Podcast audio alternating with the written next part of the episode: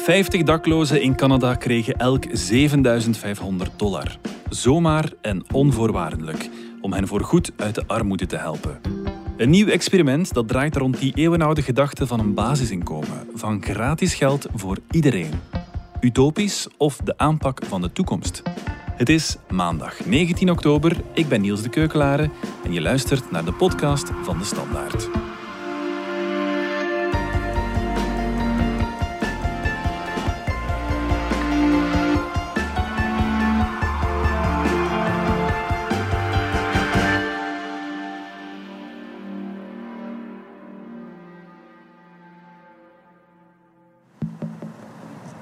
One day everything was great, right? The next week everything was gone. Like my job, my, my house, my everything, my my money, it was it was it was gone. The balance that uh, that New Leaf has given me um, basically gave me that stepping stone, right? Because I mean I was homeless. I had no real income, and when I did make the income, it was to survive. I'm just uh, right now, like you said, a seed can grow into an oak tree, right? Je hoorde Ray. Hij had geen huis, geen job, geen geld. Tot het project New Leaf hem 7500 dollar gaf. Nu voelt hij zich, naar eigen zeggen, een zaadje dat kan uitgroeien tot een eikenboom. Corneel Delbeke, economiejournalist bij De Standaard. Een zoveelste experiment rond het idee van een basisinkomen. Dat New Leaf-project, wat was dat juist?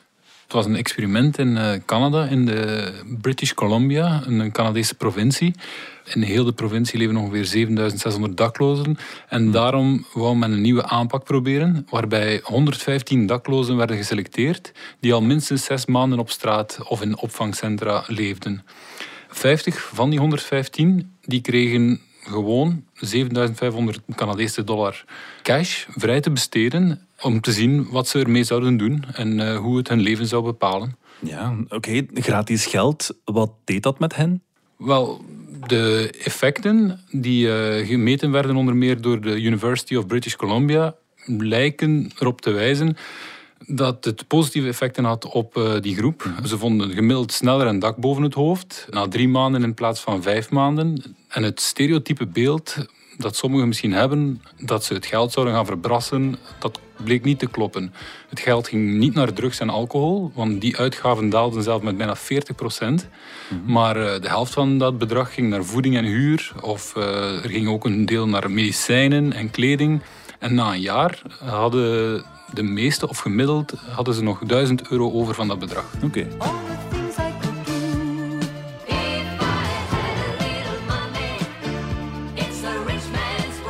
En bovendien bleek het ook goedkoper te zijn voor de overheid. Want ze moesten natuurlijk minder investeren in opvang. Want het kost natuurlijk geld om iemand in zo'n eh, centrum op te vangen. Mhm. En dus eh, uiteindelijk bleek ook de overheid duizenden euro's te besparen. Doordat die mensen sneller op eigen benen konden staan opnieuw. Ja, ja, ja. Before it was that I felt like I was hopeless. Like I was stuck and I couldn't go any further. But they weren't about giving me a whole bunch of boundaries. They wanted me to have choices and opportunities. I think getting the transfer of the new Leaf cash is helpful because it really gave me an opportunity to grow and to dream. After, it just felt like I had opportunities to move on with my life. Ja, in haar getuigenis zegt Catherine dat ze het net heel fijn vond dat er geen beperkingen waren. Ze kon helemaal zelf beslissen wat ze met het geld zou doen. Ja, en dat bleek ook belangrijk te zijn bij andere projecten, gelijkaardige projecten. Bijvoorbeeld in 2009 werd in Londen voor eenzelfde aanpak eh, gekozen met een groep daklozen in de city. Mhm. En ze vroegen hen, ja, wat hebben jullie nodig op de man af? En dan kregen ze dat ook. En ze kregen een bedrag daarvoor. En ook daar bleek opnieuw, The Economist, het uh, Britse zakenblad, heeft daar dan over bericht, dat het ook niet alleen voor hen goed was, dat zij ook sneller ten, terug een dak boven het hoofd hadden, mhm. maar dat het ook een besparing betekende voor de overheid, die minder kosten had met de overlast, minder kosten met de opvang. Mhm. Experts hebben berekend dat 10.000 euro het bedrag is dat je nodig hebt om van straat te geraken. Zou dat hier ook werken? Ik ga het proberen. In ons land hadden we eind 2018 een gelijkaardig experiment met Project Axel, waarbij vijf daklozen elk 10.000 euro kregen van de zender 4. Ja, en dat bleek niet meteen een succes. Na een jaar had slechts één van die vijf nog min of meer uitzicht op een beter leven, terwijl de andere vier hervallen waren en opnieuw aan de grond zaten zonder geld. Ik zal nog zelfs meer zeggen. Ik heb zelfs enorme spijt dat ik meegewerkt heb aan dat programma. Oei, en waarom dat? Ja. Alles wat er in gebeurd is en rond gebeurd is, stond mij niet meer aan. Armoedespecialist Bea Cantillon die wijst er dan ook op van er is meer nodig dan enkel geld. Er is ook begeleiding nodig, ondersteuning in die zoektocht naar werk en een woning. Ja, ja. En in Canada hadden ze dat ergens ook wel begrepen, want ze hebben een selectie wel degelijk gebaseerd op eh, de profielen en ze hebben toch ervoor gezorgd dat de ergste drugsverslaafden, alcoholverslaafden of mensen met zware psychologische problemen buiten het experiment vielen. Dus om zomaar te besluiten dat gratis geld aan daklozen alle opvang en alle begeleiding kan vervangen, dat lijkt mij veel te kort door de bocht.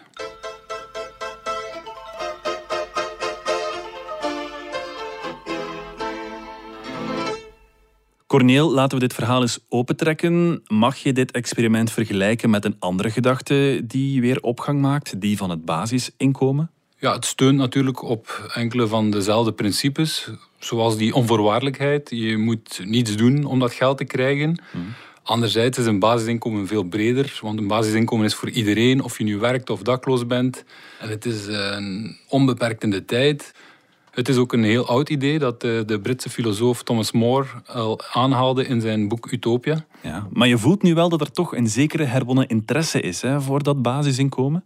Ja, het idee heeft de laatste jaren opnieuw opgang gemaakt. Vooral om de groeiende ongelijkheid te bestrijden, maar ook de vrees dat automatisering en robotisering menselijke arbeid overbodig zal maken. Daarom ook dat Jeff Bezos bijvoorbeeld, de CEO van Amazon, voorstander is. Omdat in zijn utopie wordt iedereen in zijn magazijn vervangen door robots. Dus die mensen die dan geen job meer hebben, moeten wel een inkomen krijgen. Bovendien, door corona heeft dat idee ook weer kracht gewonnen. Met name in de arme landen is het op dit moment niet wenselijk dat sommige mensen gaan werken, omdat zij zo het virus verspreiden.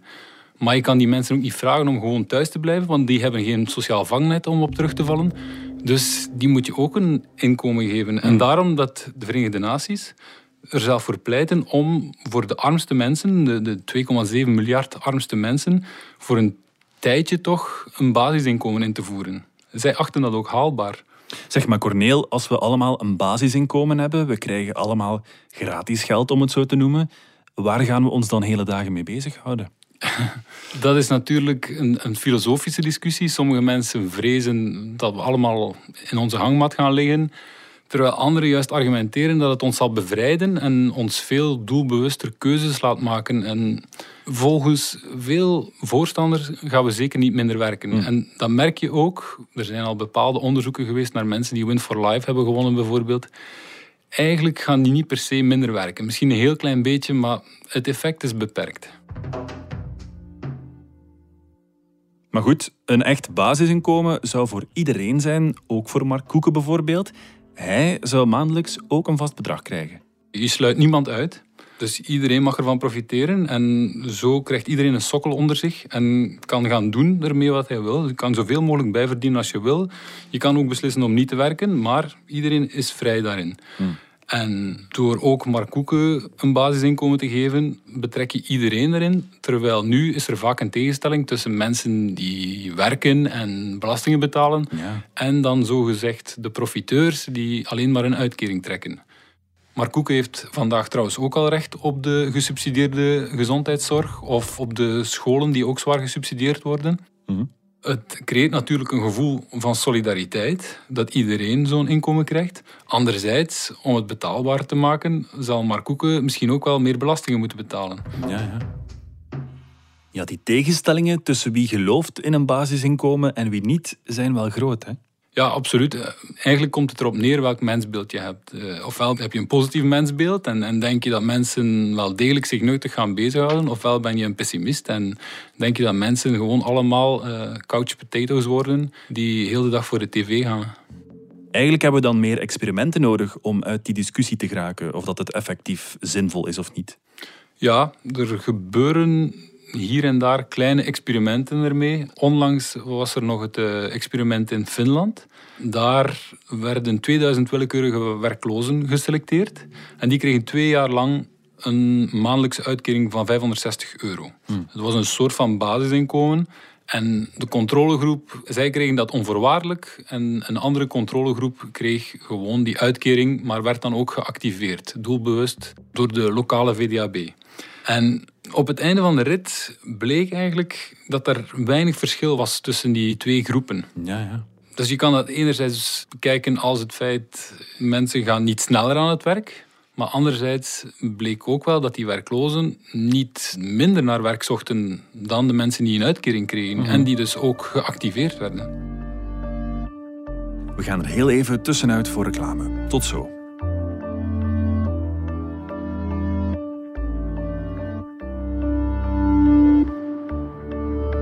Als je kunt starten met vandaag binnen een organisatie gaan zeggen van oké, goed, we gaan een hoop van de beslissingen die op managementlagen of op CEO-levels naar beneden of op de werkvloer zetten, ja, gaat er heel veel veranderen. En alles beweegt. Een podcast waarin Vlaamse CEO's en prominente HR-managers vertellen hoe ze hun onderneming en werknemers in beweging houden. Beluister de reeks op jouw favoriete podcast-app. VDHB. En alles beweegt.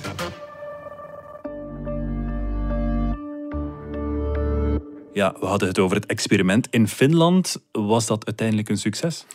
Dat is moeilijk te beantwoorden, want de opzet is tijdens het project veranderd. Oorspronkelijk was het een zeer breed experiment over het basisinkomen, waarbij 8000 mensen een onvoorwaardelijk inkomen zouden krijgen. En cours de route is dat veranderd en eh, kregen slechts 2000 werklozen zo'n basisinkomen. En werd de vraag eigenlijk gesteld van helpt dit nu om mensen sneller aan het werk te krijgen? Maar bij een echt basisinkomen zullen ook mensen die aan het werk zijn een basisinkomen krijgen. En kan je dus ook de effecten op hun gedrag meten. Gaan mensen die al werken ook minder gaan werken? Die vraag bleef onbeantwoord. En ik sprak daarover met Olly Kangas, de onderzoeksleider. En die was daar toch wel gefrustreerd over. Die zei, ja, politici, dat zijn eigenlijk een beetje jongetjes met speelgoedautootjes die verveeld raken. En hij wou dat experiment verder zetten, maar uiteindelijk is beslist om dat niet te verlengen. Ja, misschien heeft Duitsland nu de kans om er wel meer uit te leren, want zij zijn ook aan het experimenteren. Ja, daar eh, laat de politiek links liggen en eh, wordt het volledig gesteund op financiële middelen door donaties. Maar daarbij gaan 120 willekeurig gekozen Duitsers drie jaar lang 1200 euro per maand op een rekening krijgen. Dat is een bedrag net boven de armoedegrens. En dus daar hoopt men iets meer zicht te krijgen op het effect van zo'n basisinkomen. Want daar zitten dus niet alleen werklozen, maar ook mensen die al werken. Ja, en in ons land dan wordt er bij ons ook al over nagedacht. Ja, al, enkele jaren eigenlijk. Nele Lijnen van de Open VLD heeft daar nog maar een paar jaar geleden een boekje over geschreven. En toen zijn er verschillende mensen ehm, die haar pleidooi om het basisinkomen op de politieke agenda te zetten ondersteunden. Dat ging van links naar rechts. Christophe Calvo van Groen eh, steunde dat pleidooi, maar ook eh, Karel van Eetveld van eh, Unizo toen. Of Roland Duchâtelet, de ondernemer, die ondersteunt dat idee al heel lang. Waarom steunen zij dat gedachtegoed? Het is eigenlijk een, een vrij bonte alliantie van links en rechts. En dat is opvallend. Maar iedereen heeft zijn eigen motieven. Bij links wil men absoluut die ongelijkheid verkleinen en wil men armen een extra inkomen geven. Bij rechts hoopt men dan weer dat men het hele apparaat dat nodig is om uitkeringen te controleren. Zij hopen eigenlijk alles eenvoudiger te maken en dat af te slanken. Rechts ziet het eerder als een vervanging van alle sociale uitkeringen die er nu zijn. Maar En ook rechts zegt heel vaak dat het ja, amper betaalbaar is. Hè? ja, dat is een moeilijke discussie, omdat veel mensen hebben het al proberen te berekenen op een bierveldje. Sommige mensen achten het wel betaalbaar, anderen achten het dan weer compleet onbetaalbaar. Het probleem is ook met kleine experimenten dat je er geen macro-effecten kan meten. En we weten dus niet wat de effecten zouden zijn op de loonmassa. Want bijvoorbeeld als iemand die voor de vuilniskaler werkt een basisinkomen krijgt, zal hij nog willen of zal hij meer betaald moeten worden om toch nog met die vuilzakken te blijven sleuren? En zal dat gewoon ja, zal dat tot inflatie leiden? We weten het niet. Ja, Corneel, wat denk jij? Komt het er ooit van? Ehm, toen men eh, een paar jaar geleden, of, of al vele jaren geleden, aan Jean-Luc Dehane vroeg wat hij van een basisinkomen vond, dan zei hij, ja, dat is er toch al in België. We hebben natuurlijk een heel sterk sociaal vangnet met een leefloon en met uitkeringen en pensioenen. Dus ergens is het er al, maar het idee van een basisinkomen is toch anders. Die, die uitkering dat is een, een vangnet, terwijl een basisinkomen is een sokkel waar je op staat. Geeft vrijheid. Maar of het ooit echt grootschalig zal ingevoerd worden, of het er ooit van komt, dat hangt eigenlijk ook wel af van hoe dat de maatschappij verder evolueert. Hoezeer dat die robotisering zich doorzet. Eh, ook de flexibilisering van de arbeidsmarkt. Dat vergt misschien wel een zekerheid. En dat kan die sokkel van een basisinkomen wel geven.